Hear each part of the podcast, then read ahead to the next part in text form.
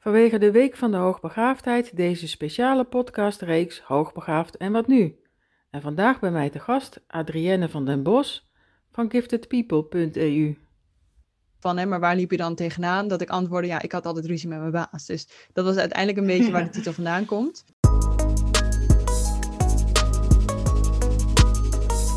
Fijn dat je luistert naar deze speciale reeks Hoogbegaafd en wat nu? Special vanwege de Week van de Hoogbegaafdheid. Mijn naam is Suzette Lemmers en tevens maker van de podcast Hoogbegaafd en Liefdespijn. In deze speciale reeks neem ik jullie mee in mijn speurtocht naar antwoorden op vragen zoals: Zijn er specifieke kenmerken waardoor ik erachter kan komen dat ik hoogbegaafd ben? Ik ben alleen hooggevoelig, maar heb geen universitaire opleiding afgerond. Kan ik dan toch hoogbegaafd zijn?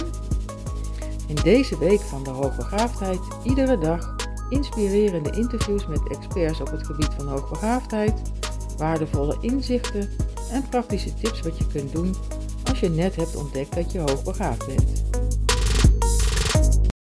Nou, welkom Adrienne in uh, deze podcastreeks Hoogbegaafd en wat nu? Leuk dat je hier, uh, hierbij aanwezig wilt zijn en mijn gast. En uh, met genoegen lees ik altijd iedere week jouw blog. Ik, ik, herken me er helemaal in. Dus ik vind het fantastisch dat jij met mij nu wil interviewen. Had ik nooit gedacht. Dus, uh, ja, leuk. Stel je kort voor en uh, neem ons mee in de weg hoe jij gelopen bent tot nu waar je staat als hoogbegaafde coach. Ja, gelijk een hele grote levensvraag. Ja, ja. ja. Nee, ik ben Adrienne, oprichter van Gifted People.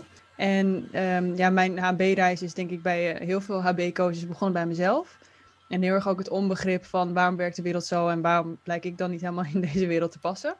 Um, en toen ik, ja, toen ik wat jonger was, was er ook niet heel veel kennis over hoogbegaafdheid. Dus het was ook niet iets waarvan ik dacht, daar ga ik naar op zoek, want misschien ben ik wel hoogbegaafd. Dus ik ben eigenlijk per ongeluk een beetje in terechtgekomen doordat ik iemand kende. Ik zat toen in een bestuur. En de voorzitter daarvan was specialist hoogbegaafdheid. En ik raakte met haar aan de praat en nou, we hadden gewoon hele leuke gesprekken. Dus ik had ook verder helemaal niet zoiets van, eh, daar, misschien ligt daar iets in hoogbegaafdheid voor mij. Um, en we waren heel veel in gesprek met elkaar. En op een gegeven moment zei ze heel random in een gesprek: Ja, maar Adrienne, weet jij dan niet dat je hoopgaaf bent? en toen ging bij mij een soort, soort van: Nou, waar heb je het over, weet je wel? En ik weet ook wel dat ik naar huis ging. En ik, uh, ik, uh, mijn vader zat thuis de krant te lezen. En ik zei tegen mijn vader: Pap, ik ben hoogbegaafd. En toen zei mijn vader: Jij, hoogbegaafd? Dus dat was een beetje mijn kennismaking met hoogbegaafdheid. Aha. En um, ik was ook toen ze dat zei, dacht ik, ja, dat, ik ben niet de meest intelligente. Bij mij gaan niet altijd alles dingen goed. Ik, uh, wat ik aanraak, dat verandert echt niet in goud. Ik was alleen maar, ja, ik, ik, liep heel vaak tegen muurtjes aan. Ik had ruzie met mijn baas, dus vandaar ook het boek. Um, maar ik had allemaal dat soort dingetjes. Dus ik had helemaal niet zoiets van, nou, dan zal het wel liggen aan het feit dat ik hoogbegaafd ben. Maar toen zij erover begon te vertellen van, ja, maar dit is wat het is. Dit is wat het inhoudt. Dacht ik, ja, maar daar herken ik me wel in. Ik herken me wel heel erg in het anders voelen. Ik herken me heel erg in het onbegrepen voelen. Ik herken me in het gevoel hebben dat de wereld op een andere manier in elkaar zit en dat ik gewoon niet helemaal snap wat dan mijn plek daarin is. Dus hoe meer ik over hoopbegaafdheid leerde kennen, des te meer ik ook dacht, maar daar herken ik me allemaal wel in. En dat is wel voor mij van toepassing. En het voelde voor mij ook een beetje als thuiskomen. Want voor het eerst had ik iemand die dingen voor mij beschreef die ik nooit zelf onder woorden had kunnen brengen. En het maakte zoveel duidelijk voor mij dat ik ook op een andere manier weer naar de wereld kon kijken. Van helemaal niet van, ik ben hier die vreemde eend in de bijt, maar ik zit gewoon iets anders in elkaar. En als ik daar mijn weg in kan vinden, kan ik ook weer de aansluiting maken met de wereld. Nou, die dame die mij uh, de hoogbegaafdheidsbom dropte, die uh, was ook bezig met het ontwikkelen van een heel groot plan. En zij wilde een ontwikkelomgeving ontwikkelen voor hoogbegaafde jongeren. En vooral jongeren die dan vastgelopen waren in het onderwijs. En wij raakten er heel erg over in gesprek. En ik werd super enthousiast van het idee. Want ik dacht, ja, hoe bijzonder is het als er straks zo'n plek is. En zeker ook voor mensen die nou, hebben ervaren wat ik heb ervaren en die daar misschien nu middenin zitten. Um, dus wij gingen eigenlijk ja, samen daar een beetje mee. Ik was heel veel over aan het meedenken. En op een gegeven moment in uh, 2014, volgens mij, volgens mij 2014, belde ze op en zei ze, het is gelukt, de locatie is rond, we kunnen gaan starten. Uh, daar heb ik uh, met heel veel plezier heb ik met hoopbegaafde jongeren gewerkt. En dat heb ik uiteindelijk drie jaar gedaan. Ontzettend veel geleerd over mezelf, over hoopbegaafdheid, over hoe je hoopbegaafden begeleidt. Maar ook op een gegeven moment tot de conclusie gekomen dat ik jongeren heel erg leuk vond, maar dat het niet mijn doelgroep was. Ik had heel erg het gevoel dat er een andere doelgroep was die beter paste bij wat ik in de wereld zetten had. En ik had ook het gevoel dat ik iets voor mezelf in de wereld te zetten had. Want ik had heel lang natuurlijk meegeleefd in de visie van iemand anders, die ook een beetje mijn visie was. Maar op een gegeven moment merkte ik dat zij een andere kant op ging en ik ging een andere kant op. Dus besloot ik ook om mijn eigen weg daarin te gaan kiezen. En toen ben ik heel erg, ja, ik ben gewoon één op één begonnen met mensen, met hoopgaafd volwassenen. En vanuit daar ben ik steeds verder gegroeid. En ik ben steeds gaan nadenken over hoe wil ik mezelf neerzetten als coach? Wat, hoe wil ik mensen bereiken? Wat wil ik ze eigenlijk gaan aanbieden? En dat is uiteindelijk is dat uh, ja, doorgegroeid in het voornamelijk het traject Insight wat ik nu aanbied. Maar er zitten ook nog hele mooie andere dingen aan te komen. Uh, natuurlijk mijn blog zie ik heel veel schrijven, mijn masterclasses en uh, mijn nieuwste boek Nooit meer ruzie met je baas. En dat is dus eigenlijk ook ja, samenvattend mijn weg naar waar ik nu ben. Ja, ja. en aan het begin zei je van, nou ja, ik, ik liep ook vast hè, op school. En toen ik het tegen mijn vader zei van, nou, ik ben hoogbegaafd, ja, herkende je vader jou ook niet daarin. Kan je eens wat uit je jeugd een voorbeeld geven van uh, hoe dat bij jou toen ging? Nou, ik, um, het was niet dat ik dacht van hé, hey, ik, ik ben echt een misfit of zo. Ik, ik kon op zich overal wel in mee.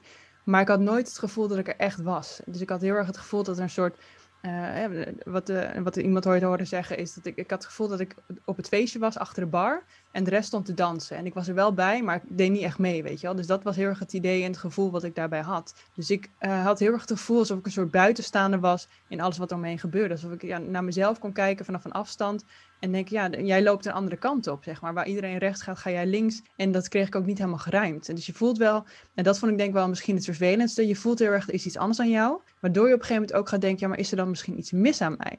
Want als ik de enige ben die zichzelf voelt, als ik de enige ben die vaak denkt dat dingen anders worden en dat dingen anders gaan en die andere gedachten heeft en andere opvattingen heeft, ligt het dan misschien gewoon aan mij? Ben ik dan die spookrijder? Of heb ik gewoon, sta ik gewoon op de verkeerde weg? Dat is uiteindelijk dan ook de conclusie die je misschien moet gaan trekken. Ja. Dus het was voor mij vooral ook heel erg zoekende. Um, uh, heel erg onwetend over wat is hoopbegaafde nou eigenlijk. Uh, en daar dus ook niet weten dat, ik, dat, dat dat een puzzelstukje voor mij was. Maar vooral de ervaring dat ik, dat ik eigenlijk steeds net niet bij hoorde. Dat ik overal wel meedeed en ik had wel vriendjes en ik had wel vriendinnetjes.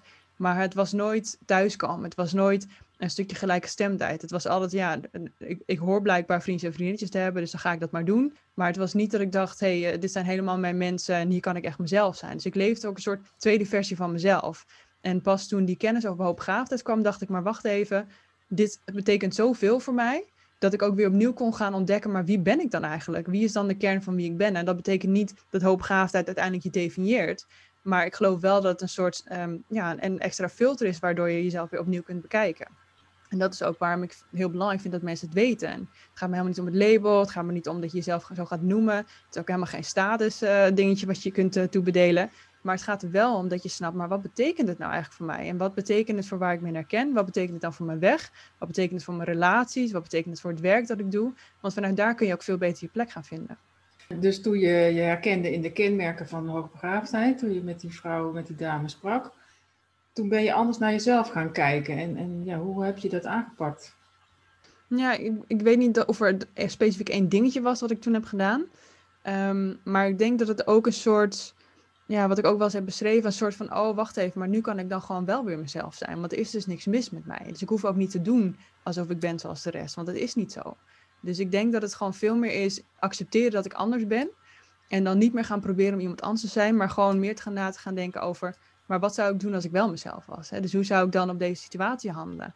En um, ja, het ligt natuurlijk ook heel erg aan in welke levensfase je zit. Maar in bepaalde levensfase is het ook makkelijker om weer afscheid te nemen. Als je bijvoorbeeld gaat wisselen van een school of, gaat wisselen van een werk, dan kun je ook weer opnieuw jezelf ergens gaan neerzetten. Dus de fases die ik toen heb doorgemaakt waren ook wel makkelijker om dat onderzoek te gaan doen. Om gewoon als ik, ja, als ik naar een nieuwe school ging of ik ging naar een andere stage of een, ander project doen, dan kon je ook weer gaan kijken van oké, maar wat is dan de versie die ik hier voor mezelf wil gaan neerzetten?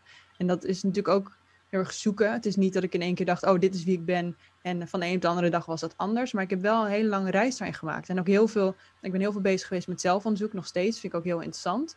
En vanuit daar leer je ook jezelf steeds beter kennen. En dat verandert soms ook een beetje. Hè? Je staat nu anders in de wereld als tien jaar geleden. Dus het is continu naar jezelf kijken. Hoe sta je nu in het leven? Hoe denk je nu over jezelf? En hoe zou je handelen in bepaalde situaties? En tijdens die zoektocht heb je ook uh, een aantal jaar geleden James Webb uh, ontmoet. Ja. Daar heb je ook een, eh, een, een, groot interview, staat ook op je website. Kan je daar, uh, ja, wat was de aanleiding en, en kan je ook even kort aangeven wie hij is eigenlijk? Ja, ja dat was wel heel bijzonder. En uh, dat, het is een, een, een, schrijver van een aantal, vind ik, hele waardevolle boeken over opgaafd. Ik raad ze ook altijd aan aan mensen. Um, en op een gegeven moment, ik, via Twitter, volgens mij was het nog te denken nog aan Twitter. En toen schreef hij iets en ik reageerde daarop en hij reageerde terug. En ik was helemaal flabbergasted, want voor mij was het een soort superheld, weet je. Dus ik dacht, nou, hij reageert gewoon op mijn Twitterberichtje. En toen kwam ik achter dat hij naar Nederland kwam. En wij waren via Twitter waren we al een beetje aan het, uh, aan het uh, connecten. En toen zei ik, joh, uh, als jij in Nederland bent, is het dan goed, vind je het leuk als ik langskom om een klein interview met jou te doen? En hij was gelijk enthousiast, dus ik was weer flabbergasted. Ik denk, nou, dit gaat gewoon gebeuren. dus uh, uiteindelijk, hij zat volgens mij aan de andere kant van het land ergens. Dus ik ben volgens mij vier uur onderweg geweest. En um, ik weet nog dat ik, dat ik hem voor het eerst ontmoette. En hij kwam altijd, uh, gewoon als je hem er op, op, ja, op, op, social media zag, heel warm kwam hij wel over. Maar ik had natuurlijk geen idee wat ik me nou moest voorstellen bij deze persoon. En vanaf het moment dat we, dat we daar gingen zitten en ik, ging, ik startte het interview op, kwam ik erachter hoe, wat een ontzettend lieve man het was. Het is echt zo'n grote hart die alleen maar zoveel moois te bieden had aan de wereld en zoveel goeds ook wilde delen over hoogbegaafdheid. En ik vind echt dat hij een hele belangrijke grondlegger is van wat we nu weten over hoogbegaafdheid. Dus uh, ik vond het heel bijzonder om dat interview met hem te doen. En ik vond ook het interview wat uiteindelijk is geworden ook heel bijzonder. En ik denk dat het ook voor heel veel mensen ontzettend leuk is om te lezen. En ja, het was, het was voor mij alsof ik een soort ja, mijn eigen superheld aan het ontmoeten was. Zo voelde het een beetje. Maar het was tegelijkertijd ook alsof het gewoon een hele goede vriend was. Dus het was helemaal niet ongemakkelijk. Het was helemaal niet. Um, ja, het was gewoon alsof je inderdaad bij iemand even op bezoek ging, wat, wat thee ging drinken, wat vragen stelde en daarna weer naar huis ging. Dus het was heel bijzonder en tegelijkertijd was het ook heel simpel. Gewoon heel vriendelijk en leuk en aardig. En had gewoon hele mooie verhalen om te delen die mij ook weer mooi inzicht gaven. Ja, mooi. En uh, hij heeft zelf ja, een aantal boeken daarover geschreven. Wat ik van hem ken, heeft hij uh, best wel uh, heeft hij Seng opgericht in Amerika Klopt. in de jaren tachtig. Hij, hij is best wel revolutionair in, op dat ja. gebied geweest, toen de tijd al. Uh, dus ja. ja, dat is fantastisch dat hij dat zo heeft opgezet. Ja, hij heeft en, echt een hele mooie legacy achtergelaten. Hij heeft het dan ook over misdiagnoses, hè, dat die heel vaak ja. voorkomen heel, heel naar om dat over te lezen ook. En, en ja, kan je er zelf iets mee? Of, of ja, hoe, hoe kan je dat signaleren? Dat je waarschijnlijk denkt van ja, ik heb nu een label opgekregen, bijvoorbeeld ADHD. Ja, en ik heb toch het idee dat er toch iets anders onder zit. Ja, ja en dat, dat is het vaak ook bij mensen. Mensen krijgen zo'n label opgeplakt. En ergens weet je wel, voel je wel, dit klopt niet. Weet je, het verklaart wel een gedeelte ervan. Maar het is het niet helemaal. Dus wat ik vaak merk is dat als die misdiagnoses plaatsvinden, dat mensen op een gegeven moment wel denken, ja, maar ik ga toch even nog iets verder kijken. En dan komen ze vaak bijvoorbeeld op hoogbegaafdheid. Dan gaan ze die twee vergelijken en dan denken ze, ja, het kan het eigenlijk allebei zijn. Um, en dan is het ook soms even kijken van ja, maar waar herken ik me nou het meest en waarvan voel ik ook dat het het meest klopt bij mij. En nogmaals, ik, ik ben niet zo van de labels en ik vind het ook niet interessant uh, of je nou, hè, waar je nou voor kiest dat je jezelf wil noemen. Maar waar het wel om gaat is dat je voor jezelf kijkt, ja, maar wat klopt nou bij mij? En dat je niet iemand anders iets laat aanpraten waarvan jij denkt, ja, is dit het wel? Klopt dit wel bij mij? En uh, uiteindelijk weet je, of je het nou uh, autisme noemt of hoogbegaafdheid of iets anders, dat maakt niet uit. Het wordt wel vervelend op het moment dat je gaat zien als iemand met een stoornis of als je bepaalde medicatie slikt die je eigenlijk niet nodig hebt. Dat zijn natuurlijk wel vervelende gevolgen die daar vastzitten. Maar uiteindelijk gaat het er vooral om kijken waar je je naar kent. Kijken waarvan jij voelt dat het klopt voor jou en ga daar verder naar op zoek. En het lastige is gewoon, er is heel veel misinformatie nog over hoogbegaafdheid. En als jij, uh, ja, als jij ergens naar een psycholoog gaat of iemand, als je ergens laat testen, en die heeft niet genoeg kennis van hoogbegaafdheid, dan kan het gewoon zijn dat je die misdiagnose krijgt. Dus het is altijd goed om ook voor jezelf echt oplettend te zijn, om waakzaam te zijn, om jezelf te gaan verdiepen in alles. Hè? Dus als iemand tegen jou zegt, misschien heb je autisme, ga je ook daarin verdiepen. Kijken wat het je brengt, kijken wat het je oplevert. Maar sluit niet uit dat er dan misschien nog iets anders aan de hand kan zijn. En dus blijf ook onderzoeken van, hoe zit ik nou in elkaar en wat verklaart wat en wat betekent het dan voor mijn weg? Want dat is uiteindelijk waar het om gaat.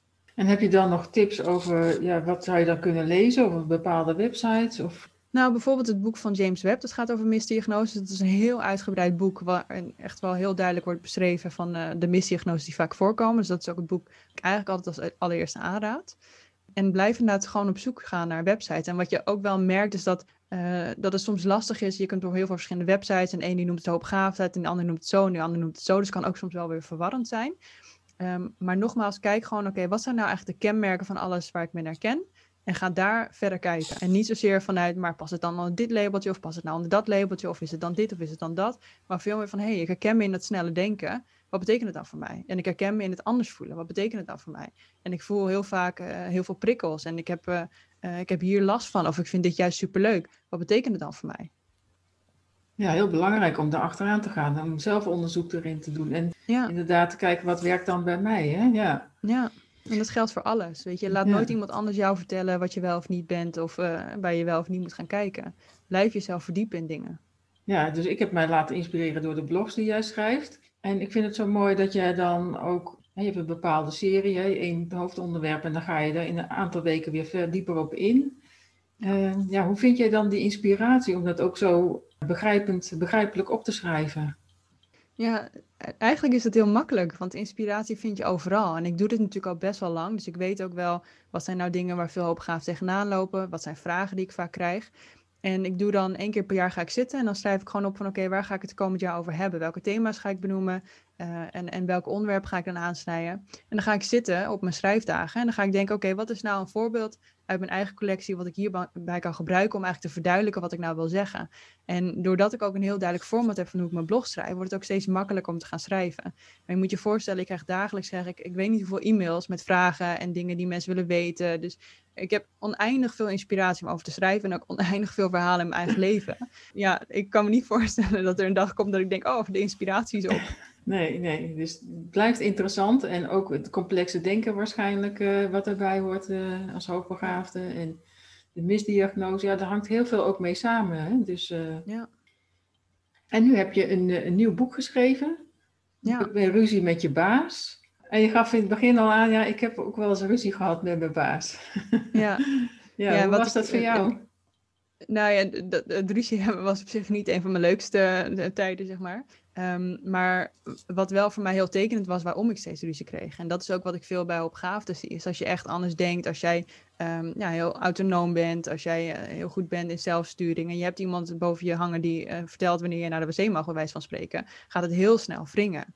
Dus ik kwam er heel snel achter, wat zijn nou elementen waardoor je als hoopgaafde gewoon gaat dysfunctioneren in je werkomgeving en bijvoorbeeld ruzie krijgt met je baas. En het boek heet Ruzie nooit, uh, nooit meer ruzie met je baas, omdat ik dat ook eigenlijk een beetje, het was ook een beetje een knipoog, want ik kwam gewoon een grappige titel.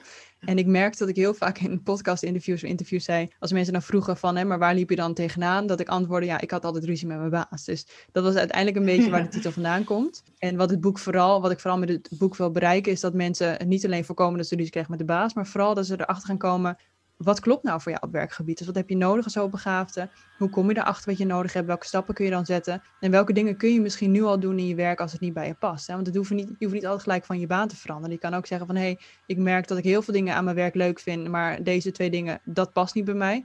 Ga dan in overleg met je baas. Dus er zijn zoveel dingen die je kunt doen om eigenaarschap te nemen in je werk en daardoor ook werk te creëren wat beter bij je past. Mooi, goede tip. Ja, en hoe communiceer je dan eigenlijk met je baas? Hè? Op, een, op een manier zodat je niet betterweterig overkomt. Want dat is soms ook nog wel eens een uitdaging. Ja, ja, en dat is ook wel lastig. En het lastige is dat het soms ook heel erg ligt aan je baas. Want de ene die zal dat sneller vinden als de ander. Ehm, maar wat wel heel belangrijk is, is dat je ook tijd investeert in elkaar. Dat je tijd investeert in de relatie. Kijk, als jij die persoon bent die alleen maar binnenkomt als er iets slecht gaat. Dus jouw baas die denkt, oh, als Pietje binnenkomt, dan is er weer ellende. Ja, dan ga je op een gegeven moment ook zo'n relatie natuurlijk met elkaar creëren. Terwijl als jij ook af en toe de tijd neemt om gewoon te vragen, hoe is het eigenlijk met jou? En uh, dit, zijn allemaal dingen die ik zie dat het supergoed gaat. En uh, daar moeten we vooral verder mee gaan. Weet je, dus het is soms ook even kijken naar hoe bouw je een relatie op? Hoe zorg je ook dat je genoeg tijd investeert in elkaar? En hoe zorg je er ook dat je eigenlijk een soort ja, rapport gaat bouwen bij je baas, dat je ook de dingen kunt benoemen die je ziet. En dat je baas ook weet, als Pietje naar me toe komt, dan is het handig als ik daarnaar luister. Want als ik, als ik daarnaar luister en ik handel daarop, dan voorkom ik bepaalde problemen. Of dan voorkom ik dat er iets uit de hand loopt. Ja, want het kan ook zo zijn, hè, als een baas, ja, ik vind baas niet uh, helemaal een goede woord, maar een leidinggevende, als die bijvoorbeeld merkt ja, dat je kennis iets uh, groter is dan, dan hem of haarzelf, dan voelen ze zich nog wel eens aangevallen. Heb je daar uh, ideeën bij hoe je dat dan beter kan doen? Ja, nou ja, het lastige is als je inderdaad best wel breed onderlegd bent en je hebt veel kennis en je bent misschien wel slimmer dan je baas, dat je baas dat best wel intimiderend kan vinden. En ook daarbij is het dan heel belangrijk dat je gaat werken aan de relatie. En dat je ook eigenlijk steeds subtiel laat zien, ik ben hier niet om jouw baan in te pikken. Dus ik weet ook wel dat jij jouw best doet en dat jij ja, andere dingen doet waar ik misschien niet zo goed in ben. Dus dat je op die manier met elkaar die relatie gaat opbouwen. Um, en dat je ook weet van oké, als je inderdaad slimmer bent dan je baas, wijs hem dan ook niet de hele tijd daar bijvoorbeeld op. Hè? Want als je iemand de hele tijd gaat wijzen op van ja, luister, hè, we weten allebei wie hier nou de slimste is van ons twee. Dan ga je op een gegeven moment natuurlijk ook ja, juist inderdaad nog meer intimiderend worden voor je baas. Dus zorg er ook juist voor dat jij aan de andere kant gaat staan. Dat je ook af en toe complimentjes geeft. Dat je ook erkent wat die ander doet. Dus dat je niet alleen maar bezig bent met laten zien hoe slim je bent. Maar ook bezig bent van hé, hey, maar wat gaat er ook allemaal goed waar ik geen aandeel in heb? En hoe kan ik dat ook nog gaan verstevigen en nog even benadrukken? Ja, want een van de kenmerken is tenminste, ik herken het bij mezelf, dat ik uh, snel fouten zie. Dus Mhm. ik ben eh, een soort foute speurneus, noem ik mezelf dan maar. Volgens Ja. mij zijn heel veel hoogbegaafden die dat eh, ook hebben. Ja. Ja. Eh, ja, hoe kan je dat dan inderdaad naar een positieve boodschap overbrengen? Eerst aangeven van kijk, dit loopt goed. Zeg 80% loopt goed. Maar als we dit en dit doen, zou het dan beter kunnen gaan? Of hoe, ja, hoe, hoe kan je zoiets aanpakken? Ja. Bijvoorbeeld, het is eigenlijk ook een stukje ehm, subtiliteit die je inbrengt. Want als jij binnenkomt stormen en je zegt, nou, ik heb hier naar gekeken en het slaat helemaal nergens op welke debiel heeft het bedacht. En je baas zegt, nou, dat was ik. Dan heb je Oh. gelijk al geen grond meer om verder over in gesprek te gaan met elkaar. Terwijl als je binnenkomt en je zegt, hé, hey, ik heb hier even naar gekeken en eh, ik vind het best wel leuk bedacht, maar ik vroeg me nog even af, hoe zit dit eigenlijk? Ja, dus je kunt ook op een hele andere manier eigenlijk iemand anders aan het denken gaan zetten dat er bepaalde dingen misschien beter kunnen, zonder dat je iemand heel direct op zijn fouten gaat wijzen. Want als je mensen op hun fouten gaat wijzen, komt er altijd ego komt erbij kijken, gaan mensen in de weerstand, eh, gaan ze met een hak in het zand staan en dan is er geen mogelijkheid meer tot gesprek. Dus het is soms ook een kwestie van eigenlijk leren communiceren op een manier die aansluit bij die ander. En ik hoor wel eens dan het argument van hoop gaat zeggen, ja, maar ik moet zoveel moeite doen om gewoon iets aan de man te brengen. Ik denk, ja, maar als jij een gave hebt om dingen te kunnen zien, dan is het ook belangrijk dat je gaat ontwikkelen in het over kunnen brengen van die gave. En niet iedereen is zoals jij. En dan kun je heel erg frustrerend vinden, dan kun je teleurgesteld over raken. Of je kunt ook denken, hé, hey, wat leuk, ik kan dit. Ik ben hier speciaal in, ik heb hier speciale gave voor. Daar kan ik iets mee betekenen. En dan is het ook aan mij om ervoor te zorgen dat ik ook daadwerkelijk er iets mee kan betekenen. Door dus te gaan werken aan hoe ik dat communiceer. ja, mooi. En ik lees wel eens van, eh, soms is het goed voor een hoogbegaafde om een eigen bedrijf te beginnen. Dan kan je meer je ei kwijt. Eh, Ja. ja, wat, wat, wat zie jij in de praktijk? Is dat handig? Of ja, wat jij net zelf aangeeft van ga gewoon kijken met je baas of je eruit komt. Ja. Nou, kijk, ik ben natuurlijk zelf ondernemer geworden. Dus in dat is voor mij is dat de beste keuze ooit geweest. Maar er zijn ook genoeg mensen voor wie ja, dat geen goede keuze is. Want als je hoogbegaafd bent, betekent niet dat je nooit meer voor een baas kan werken. Het betekent gewoon dat je wel heel duidelijk moet weten wat je nodig hebt. En dat je dat moet kunnen communiceren. En dat je daar ook de ruimte voor moet krijgen. Maar eh, dat je hoogbegaafd bent, betekent niet dat je ondernemer moet worden. Dat is ook een hele slechte motivatie om te gaan starten. Want als jij niet voelt, ik heb echt iets in de wereld te zetten. En eh, ik wil heel graag echt van mezelf beginnen. Dat is dus voor mij een verlangen en een doel wat ik heb ja, dan ga je eigenlijk ondernemer worden, omdat de andere situatie is dat je steeds ruzie hebt met je baas en dat wil je niet meer. Dus dat is natuurlijk een hele ja, scheve motivatie om op te gaan starten. Dus het is veel belangrijker dat je gaat onderzoeken wat is nou eigenlijk het verlangen wat ik in me heb. En is dat te doen in loondienst of wil ik dat doen als ondernemer? Ja, je had het net over James Webb, hè, dat het een inspiratiebron voor jou is geweest en nog steeds eigenlijk. Eh, Ja. ja. wie zijn er nog meer inspiratiebronnen op, eh, op dit gebied? Ehm, ik, ik denk niet dat ik zo een, een, een echt een naam kan noemen, maar ik vind het wel leuk om gewoon bij heel veel verschillende mensen te kijken. Dus als er bijvoorbeeld mensen zijn die erover schrijven of inderdaad een bepaalde podcast doen, dan vind ik het leuk om die gewoon te beluisteren. En ik merk wel dat, ja, ongeacht wie het is, dat ik altijd wel ergens weer inspiratie uithaal. Want ik vind het ook heel mooi dat, ook al begrijpen we wel wat hoopbegaafdheid is, kunnen we er toch heel veel andere woorden aan geven. En dat vind ik weer mooi, dat juist omdat we er andere woorden aan geven, dat ik daardoor ook weer heel geïnspireerd kan raken over hoe iemand anders het uitlegt. Dus het is niet dat ik, ehm, dat ik denk, oh, ik heb nu iemand in gedachten en dat is echt een, daar ben ik de grootste fan van. Maar ik vind het vooral juist leuk dat we wat we met elkaar aan het doen zijn. Ja, mooi. Stel dat ik net ontdekt heb, ik ben hoogbegaafd, of ik heb het idee dat ik hoogbegaafd ben. Je gaf al aan, lees het boek van, van James Webb. Heb je dan nog andere tips wat je zou kunnen doen? Nou, het belangrijkste is dat je er echt heel veel over gaat lezen, dat je erin gaat verdiepen, dat je erover gaat praten. Want dat is ook de manier dat je ja, gaat ontdekken wat betekent het nou eigenlijk. En ik bied ook op mijn website een gratis e-book aan, juist ook zodat mensen zich daarin kunnen verdiepen, wat best wel laagdrempelig is. Dus dat je niet gelijk denkt, oh dan moet ik eh, een boek gaan aanschaffen en ik weet helemaal niet of het voor mij is. Maar ga ook op zoek naar wat er al is. En als je merkt, hé, hey, dit past voor mij, ga dan weer een stapje verder. Kijk, wat heb ik nodig om dan die volgende stap te gaan maken? Welke kennis heb ik nodig? Welke trajecten wil ik misschien gaan volgen? Welke boeken wil ik misschien gaan lezen? Maar begin ergens en ga jezelf gewoon inlezen in wat het nou eigenlijk betekent. Ja, en mij heeft het geholpen ook om eh, naar bijeenkomsten te gaan met eh, Ja. gelijkgestemden. Ja, zeker. Eh, hoe heeft dat bij jou gewerkt? Ehm, ik denk dat ik ook wel een beetje de mazzel had dat ik natuurlijk in een omgeving zat met heel veel hoopbegaafden destijds. In mijn eigen ontdekkingsreis. En ik had natuurlijk ja, iemand aan mijn zijde die eh, al heel lang coach was over hoopbegaafdheid. Dus die wordt eh, per ongeluk toch heel veel gecoacht dan. ja. Ehm, dus dat was ook een beetje mijn voordeel. En ik liep natuurlijk rond in een omgeving waarin ik alleen maar uitingen zag van hoopbegaafden. Op alle mogelijke vormen. Dus ook dat leerde me heel erg veel. Maar wat ik bijvoorbeeld zie is, ik bied het traject Insight aan. En daar zit ook een community bij. En ik merk dat er juist in die community ook weer heel veel herkenning vindt van mensen. Dus mensen delen hun verhalen, ze delen hun ervaringen, ze delen iets waar ze tegenaan lopen. En meest voorkomende reactie is gewoon, oh dat herken ik ook. Oh, maar nou snap ik waarom dat zo is. En ook in de, de online Q&A's die ik doe, merk ik gewoon dat mensen zich heel erg herkennen daarin. En dat geeft zoveel houvast, omdat je weet, één, ik ben eindelijk gelukkig niet de enige. En twee, oh, maar als anderen dit ook hebben en zij kunnen ermee omgaan, dan kan ik er dus ook mee omgaan. Mooi. Ja, dus als uh, hoogbegaafde coach kan je mensen op weg helpen. Op welke wijze eh, kan je ze verder helpen? Uh, dat ligt ook een beetje aan wat past voor mensen. Kijk, ik bied nu het Insight traject aan en er komt ook nog een membership aan. Dus dat zijn ook, het membership is een wat laagdrempelige manier waarop mensen kunnen instappen en zichzelf ook verder kunnen ontwikkelen. Dus als ze bijvoorbeeld bepaalde thema's verder willen onderzoeken met betrekking tot hoogbegaafdheid, dan is het membership heel gepast. Maar ze kunnen bijvoorbeeld ook beginnen met het lezen van het e-book en het volgen van mijn gratis masterclass. Dus het is net ook waar je staat en waar je aan toe bent. En als je echt die volgende stap wil zetten en je bent toe aan een traject voor wat langere tijd, dan zou bijvoorbeeld Insight heel gepast kunnen zijn.